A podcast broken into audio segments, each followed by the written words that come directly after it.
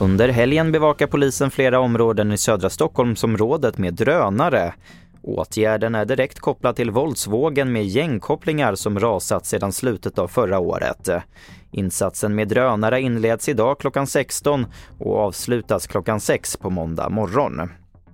Och intresset för internationella adoptioner är på väg ner. Negativ uppmärksamhet kring adoptioner och dystrare ekonomiska tider tros vara en del av förklaringen.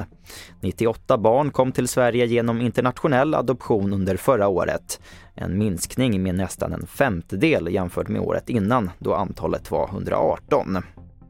Till sist att Muharrem Demirok som i torsdags valdes till partiledare för Centerpartiet inte vill svara på vem han tycker borde vara statsminister. Medan hans företrädare Annie Lööf tydligt tog ställning för Socialdemokraternas Magdalena Andersson för att stänga ute Sverigedemokraterna vill Demirok inte välja sin favorit. Du kan inte välja eller du vill inte välja? Ja, men återigen, vi, vi är så långt borta från en valrörelse. Centerpartiet står just nu i en position där vi har lyxen att inte behöva välja. Reporter här var Ann Tiberg.